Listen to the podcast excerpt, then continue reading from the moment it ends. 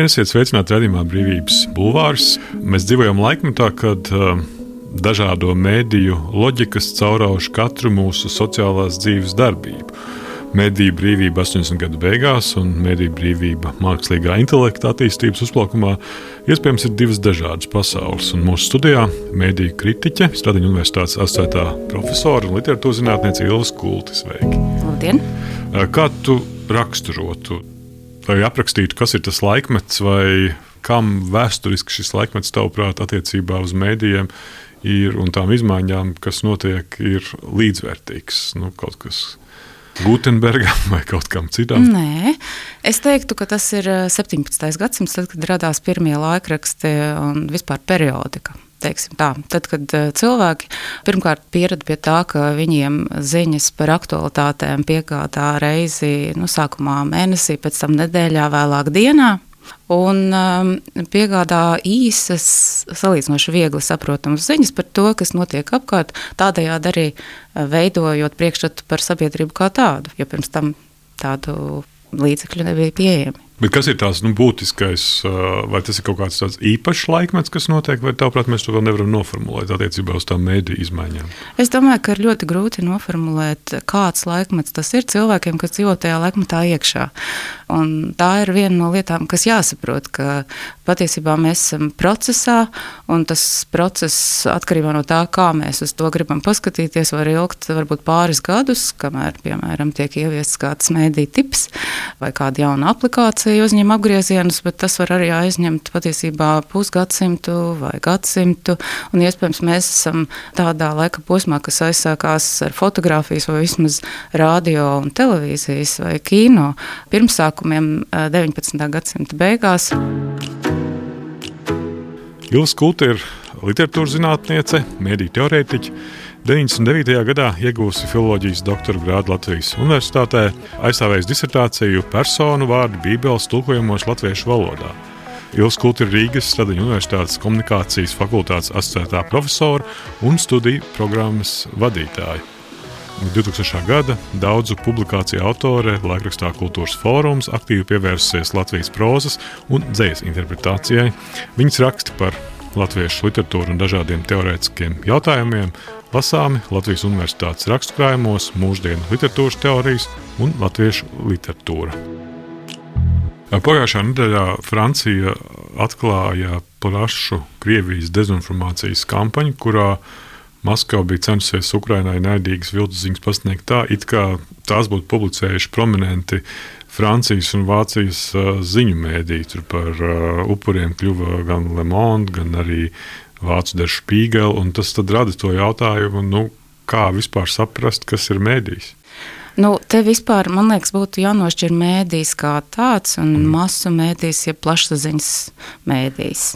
Un droši vien, ka šeit runa ir par plašsaziņas mēdījiem, no kā mēs sagaidām objektīvu informāciju. Proti, tur ir profesionāļi, kas speciāli strādā ne tikai lai veidotu ziņas un atlasītu tās, divas soļi jau atlasītu un pēc tam veidot. Jā, bet šeit mēs saskaramies ar to, ka tā tehnoloģiskā attīstība ļauj radīt viltus produktus jau prominentiem esošiem mēdījiem.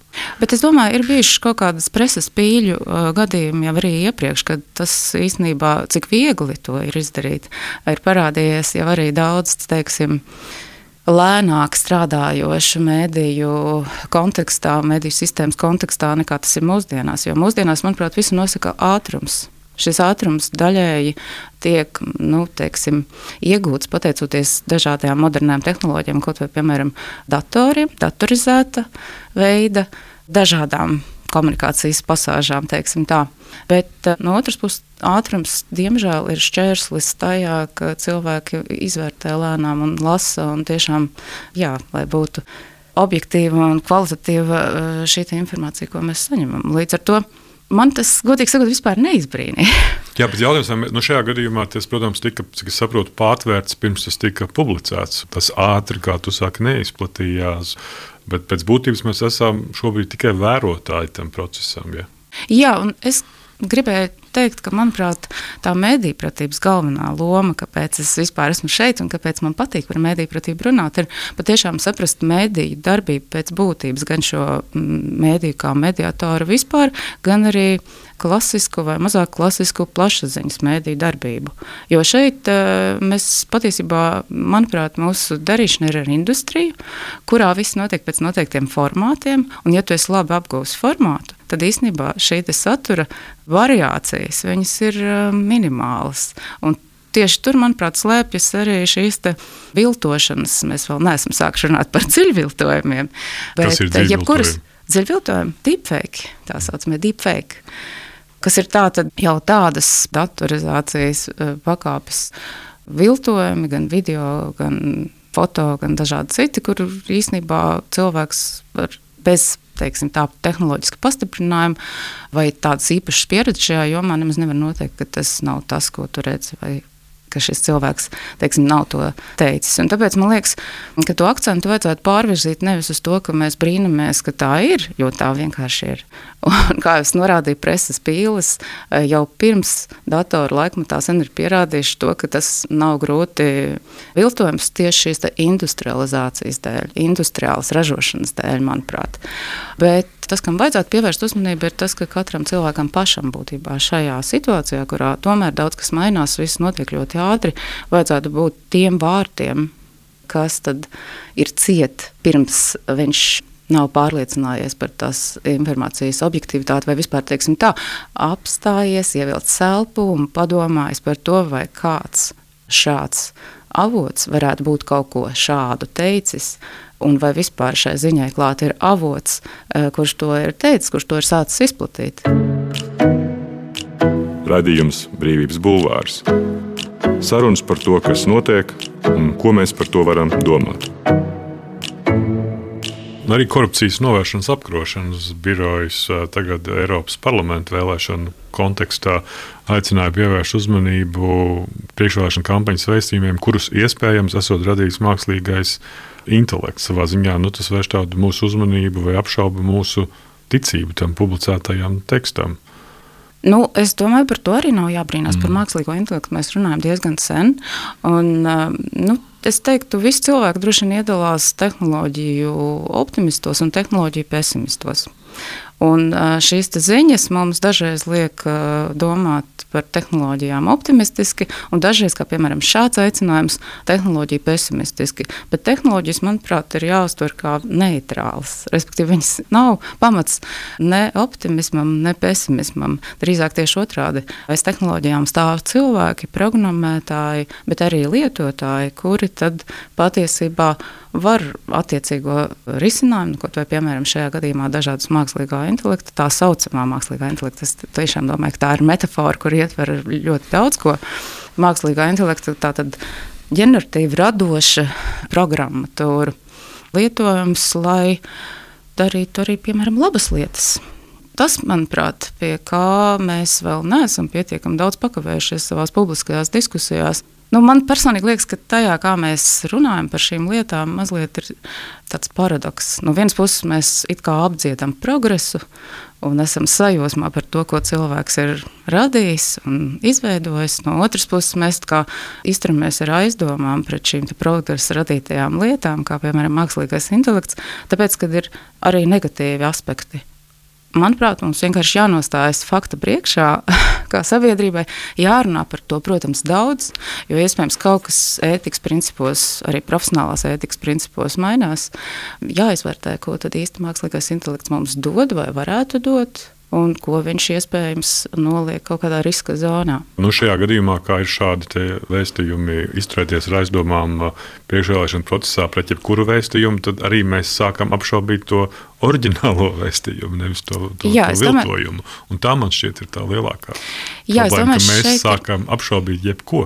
Es domāju, ka šeit, protams, ir milza problēma, jo patiesībā daudz kas tiešām mainās. Un mainās arī tā patiesības vērtība. Apmēram 16. gadā Brexita un Trumpa ievēlēšanas gadā radās arī šī postpatiesības ideja Protams, atkal nebūs laika iztirzēt, kas tad īsti ir postpatiesība. Patiesībā vārds tajā laikā arī nebija jauns. Viņš jau bija parādījies 20. gadsimtā, citu, tieši runājot par klimatu pārmaiņām un tam, kā cilvēki tic vai netic eh, zinātnieku apgalvotēm. Jā. Eh, bet uh, man gribās atsaukt atpakaļ uz šo 16. gadu tieši tādēļ, ka tad radās, manuprāt, daudziem pirmās filozofiskās pārdomas par to, kam var vai nevar ticēt. Jo, protams, mums īstenībā pat viegli var noskatīties, kā fejkot attēlu kaut kādās programmās, ja, vai ko tieši var izdarīt ar attēlu. Un tas, kā viltot, pavisam viltot attēlu, vai kā daļu, piemēram, attēla izveidot tā, lai mums rastos nepareizs priekšstats. Tur daudz visādas nianses un pakāpes, manuprāt, par ko mēs arī runājam pa maz. Mēs domājam vienkārši vienmēr par to, ka vai nu ir viltus ziņa, vai nu ir patiesa ziņa. Bet tā nav. Ir daudz nianses, kuras, piemēram, absolūti patiesu ziņu liek uztvert savādāk. Piemēram, tādēļ, ka krāsa ir izvēlēta tā, nevis tā vai cita. Ja? It kā tāda dīvaina nesvarīga lieta, bet tomēr jā. Bet, eh, protams, ka pateicoties tieši varbūt, sākot ar šo sarunu par tiem dziļvietojumiem, diezgan daudz cilvēku satraucās vispār par to, ar ko, ar kādu komunikācijas vidi mēs tagad saskaramies. Nu, piemēram, viens Mans students Andrejs Poikāns savulaik um, Liepājas universitātē veidoja tādu skaņu mākslas darbu, kurā viņa vispār no sākuma bija arī, nezinu, vai es to varu stāstīt, bet brīnišķīgas idejas par to, ka varētu uh, izmantot šajā darbā arī mūsu uh, satversmes simto pontu, lai padarītu šo darbu arī tādu politiski aktīvāku. Tas bija Covid laiks, un līdz ar to visas ieceres viņam realizēt neizdevās, bet tā ideja bija tieši par to, kā varētu likt cilvēkam dzirdēt, kā viņa balsī kāds runā kaut ko, ko viņš nerunā šajā darbā. Un tas patiešām ir politisks jautājums, jo tad, kad saproti, ka īstenībā tas tā identitāte, viņa kaut kā kļūst neatkarīga gandrīz vai no tevis, ja, Tā kā tu sociālajos mēdījos, piemēram, vari būt kaut kas ne tikai pats izvēlēties, būt kaut kas cits, bet viņš var mm, dzīvot savu neatkarīgu dzīvi, varbūt uh, tavs tēls uh, internetā var būt absolūti kaut kas cits nekā tu. Un neatkarīgi no tevis, respektīvi, ka jā, tu neesi izvēlējies to. Tad, tad tas ir nu, pavisam interesanti arī tieši no politikas viedokļa, jo politika gal galā tas, kā mēs katrs kā pilsonis iesaistamies politikā. Labi, mēs varam teikt, mēs ne, vispār neiesaistamies un tā tālāk, bet no otras puses tas tomēr. Pat ja mēs neiesaistāmies, mēs esam tajos procentos, kas neiet uz vēlēšanām un vispār nepiedalās, tad tomēr to mēs darām ar savu ID, ar savu identitāti.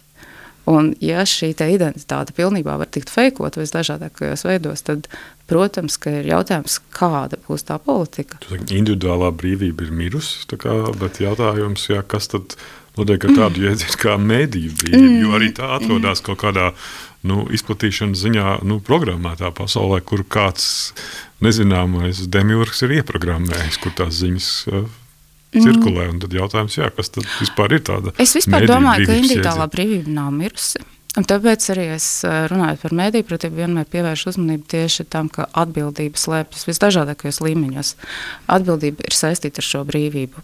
Brīvība un atbildība, manuprāt, tajā kodā, kas tika ielikts jaunajos laikos, šajā 17. gadsimtā topošajos, tālāk jaunajos mēdījos, respektīvi presē, ir vienmēr saistīta ar atbildību. Un to nevar, manuprāt, atkārtot par daudz, jo to mēs neapzināmies. Arī lietotājs ir atbildīgs, arī īpašnieks medija ir atbildīgs, jebkurš politiķis ir atbildīgs par to, ko viņš saka. Un, ja viņš saka nepatiesību, mūsdienās daudz politiķi saka vienkārši to, ko viņi zina, kā nav, manuprāt. Es to nevienu negribu apvainot, jo man nebūs piemēru, bet uh, es domāju, mēs varētu atrast tādus piemērus, kur politiķis saka, ko viņš ļoti labi zina, ka tā nav. Un uh, saka to publiski un mēdī telpā. Bet, jebkurā gadījumā, es gribētu pastāvēt uh, uz to, ka atbildība nāk komplektā ar brīvību šajā komunikācijas jomā, un tas attiecas arī uz mēdījiem. Arī mēdīju brīvība, runas brīvība nāk uh, komplektā ar mēdīju atbildību. Atkal šeit ir jautājums par to, uh, ko tas katrā atsevišķā gadījumā nozīmē. Ja ir pieejami kaut vai mākslīgā intelekta rīki. Es nu pat kā teicu, ka nebūtu slikti, ja jebkurš savā profesionālajā jomā apdomātu, kā viņus var pielietot. Es domāju, arī mēdīs, starp citu, ir arī iznākusi UNESCO. Rokas grāmatu žurnālistiem tieši mākslīgā intelekta lietojumā, kur redaktore Mārta Jākola no Gēteburgas Universitātes Nordikom centra. Tā kā es domāju, arī šajā jomā mākslīgais intelekts varbūt eh, zināmā mērā var iztaisīt apvērsumu, bet es gribētu tik un tā pievērst uzmanību 17. gadsimtam, kad tieši industrializācijas kontekstā, kā industriāla nozare, radās prese un žurnālistika, kā profesionāla darbības joma. Un šeit daudz ko pasaka šis ražošanas procesa loģika. Tātad mēdījā ir vēstījums, un vēstījums mēdīs. Tie nepastāv atsevišķi un iekļauj viens otru. Kad informācijas un komunikācija norisinās apkārt pastāvīgi ir pārāk daudz, ir arvien grūtāk mēdīju neievērot, un tā pašā laikā tikpat grūti kļūst to ievērot. Mēdīja ir klātesoša katrā komunikācijas aktā, nosaka komunikāciju kopumā un veido sarežģītu sistēmu par kuru pat mūsdienu spriest spējīgās un izglītotās sabiedrības lielākajā daļā ir visai sporādiska izpratne. Varētu jautāt, kādēļ gan svarīgi runāt par mēdījiem, ja tie ir tikai rīks, čaula, kurā ietverts vēstījums. Tomēr pretēji ikdienas uztverēji, mēdījis nav tikai instruments vienkāršas darbības efektivizācijai, bet formē vidi, kurā dzīvojam, veido savienības, kopienas, kopdarbus, kā reāla laikā viss gan notiek, gan tiek izziņots. Tā portālā Satorija raksta Ilvas kulta. It kā ar to varbūt mums vajadzēja sākt, kas vispār ir šobrīd mēdījis, lai saprastu, kā to nav iespējams izslēgt, un tā pašā laikā to nav iespējams ieraudzīt. Pirmkārt, es gribētu teikt, ka es šeit eh, neesmu viena. Es balstos, kā Google skolāra meklētājs saka, eh, uz milzu pleciem. Man ļoti pārdomāt to vidi, kā es saprotu vispār, kā mēs komunicējam medijos un kas ir medijas, lika Maršala Maklona darbi. Herberta Maršala Maklona, kanādiešu mediju teorētiķa darbi, kurš, lai arī nepiedzīvoja internetu tādā nozīmē, kā mēs to tagad baudām, bet uh, daudzi viņu uzskata par tādu prognozētāju tieši tam, kā uh, internets vēlāk izvērsās. Un, protams, man tagad nebūs laika izklāstīt visu viņu teoriju, Bet um, arī šī ideja par to, ka mēdīs patiesībā paslēpjas savā funkcionalitātē, respektīvi tajā, ka mēs lielākoties komunicējam, neievērojam, ka komunicējam mēdījā.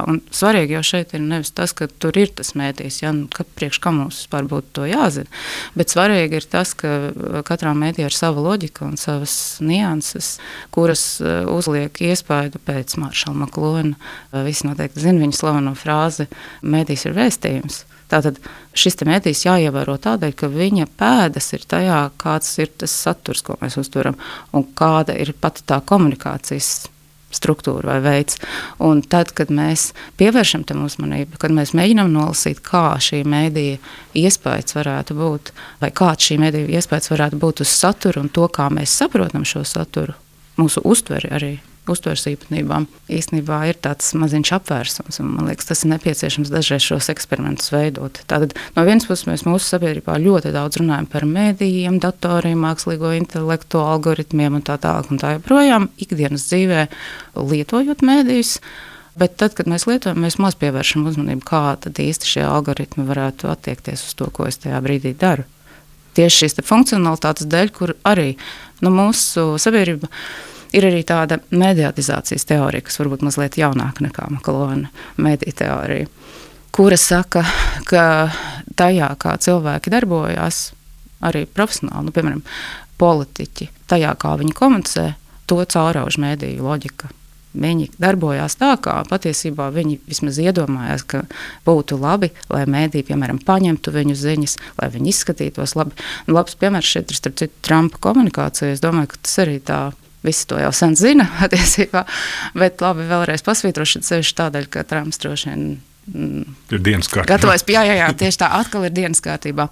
Bet uh, kādreiz savulaik, tajā 16. gadā, visi ļoti brīnījās salīdzinot uh, priekšvēlēšanu kampaņu izmaksas Amerikas prezidenta kandidātiem, kur Trumps bija tērējis ļoti maz. Kāpēc? Tāpēc, ka viņš saprata, acīm redzot, šo mēdīju loģiku. Nu, toreiz cilvēki teica, ka nu, Trumps viņš visu dzīvi pavadījis televīzijā un ar televīziju un tā tālāk. Līdz ar to viņš vienkārši ir televīzijas cilvēks, kas ir interesanti, protams, ja ņem vērā, ka izrādās, ka viņš ir arī Twitter cilvēks. Šķiet, nu, politiski, politiķi, jā, jā. kuri mēģina ne, bet... šo Trumpa Bet šis nav fenomens tādā stratēģiju uh, atkārtot. Šis, šis nav, nu, tiksim, Trumpa tikai fenomens. Tas būtībā visas tādas, es teiktu, politiskās dzīves fenomens. Kad, un tas ir interesanti, jo mēs īstenībā, nu, vismaz kopš Waltera Lipmana laikiem, 20. gadsimta sākumā, zinām, ka viedoklis veidojās pateicoties tam, kā mēdī izveido dienas kārtību tā saucamo. Nu, okay, Valters Lipnons nav īsti dienas kārtības teorijas autors, bet jebkurā gadījumā tās idejas par to, kā veidojās tas viedoklis un kāda ir loma mēdījiem, mm, bija jau 20. gadsimta sākumā. Bet uh, tikai 20. gadsimta beigās īstenībā paši tā domāšana un tā politiskā nu, izteiksme pakārtojās mēdīņu kārtībā. Toreiz daudz runāja arī pie mums 90. gados, piemēram, par frizūru nozīmi politiskajā karjerā un tam līdzīgām lietām. Noteikti te varētu teikt, ka tā loģika tur bija parādījusies, bet mūsdienās, pateicoties internetu mēdījiem, datoriem, algoritmiem, sociālajiem mēdījiem, mums ir jau darīšana ar kaut ko tādu, ko mēs varētu saukt par dziļo mediatizāciju. Vismaz tā eh, acu sociologs Andrēs Heps vienā no savām grāmatas nosaukumiem to skaidro. Ka jebkurš no kļūst par mēdīju, tā tas nozīmē? Nu, savā ziņā, eh, es nezinu, vai, bet katrā ziņā tu esi ieraudzis tajā, jā, tajā mēdīju loģikā. Tu īstenībā arī visu laiku esi eh, saistīts ar to, ka noteikti tavi dati un arvien vairāk tavu datu nepārtraukti tiek nolasīti. Nu, es šeit nerunāju par to, ka ir skaidrs, ka tas, kā mēs, piemēram, liekam patīk vai šērzīmītes uh, tiek nolasīts, bet arī tas, cik ilgi es, piemēram, pakavējos pie kaut kādas ziņas, tiek nolasīts, vai kur skatās manas acis, var tikt nolasīts, un tā tālāk, un tā joprojām. Uh, respektīvi, to datu ir pietiekami daudz, un tas, kur tiešām datorizētas tehnoloģijas vispār un mākslīgais intelekts, manuprāt, šobrīd ļoti mums nepār valdāmi. Kontrolē. No mūsu puses, ja nu, pat nekontrolē. Es neteikšu, ka kontrolē. Tas jau tas interesantākais. Mums ir visa brīvība. Nu, ja viņš rada mūsu uzvedības modeļus, tad jau viņš kontrolē mūs. Varbūt, bet no otras puses mēs tur varam arī visu kaut ko izmainīt manuprāt. Ja mēs, piemēram, izdomājam un kādā noteiktā globālā akcijā visi darām kaut kā pavisam savādāk, nekā mēs esam iepriekš darījuši, nu, tā tas, protams, atkal droši vien nenotiks. Bet tas dziļums tajā mediatizācijā slēpjas tieši tajā, ka dators labi, to var saukt par kontroli, bet viņš, nu, teiksim, tā manā acīs, tomēr tā kā varbūt mazliet uzpasē vienkārši mūs. Un tas interesantākais nevis tādēļ, ka viņam ir kaut kur mm, svarīga datu banka, ko var pārdot, tāda iespējams arī ir, bet tādēļ, ka viņam ir programmas, kuras attiecīgi ir iestatītas tā, ka atkarībā no tā, ko parādām mēs, kā savu performanci, viņš kaut ko parāda mums, un tālāk mēs nokļūstam tādā kā savu veidu cilpā, bet tas savukārt ietekmē arī kaut ko tādu kā Margarita Tečere esot teikusi, fiktīvu lietu kā sabiedrība kopumā. Runājot par to mediju pratības līmeni un tām dziļajiem viltojumiem un arī seklākajiem viltojumiem, tur raksta, ka padomju skolas un ģimenes diskursu neatbilstība tavas un manas paudzes cilvēkiem attīstīja to lielisko spēju lasīt starp rindiņām, neticēt visam, kas ir rakstīts, lietot ironiju mētiecīgi, respektīvi kaut kādā ziņā tā bija tāda sava veida mēdī pratība. Un jautājums, vai mums viņa īsti ir derīga šobrīd? Es domāju, ka aizdomas un tas, ka tu vari lasīt starp rindiņām, noteikti ir, ka tā būtu tāda viena stratēģija. Domāju, ka arī no otras puses daudz kas ir gājis priekš tehnoloģiju attīstībā, un ir kaut kādas prasmes, kuras mēs vienkārši nevarējām attīstīt tādēļ, ka nekāda tāda mēdīja nebija. Nu, piemēram, man varbūt visizaicinošākais šobrīd liekas nevis mākslīgais intelekts, kas, protams, ir izaicinoši, bet tieši tie algoritmi kā saprast, kā ar viņiem sadarboties. Nu, respektīvi, kā tieši man darboties tā, lai tas, ko kāds nolasa no manām darbībām. Sajauc algoritmu. Jā. vai sajauc algoritmu, tas būtu tāda mazliet subversiva vai partizāņu darbība. Lai gan es īstenībā domāju, ka mēdīju lietās pie mēdīju brīvības tāda pamat, pamat principa. Galvenais princips, ka tiešām visam jābūt brīvam.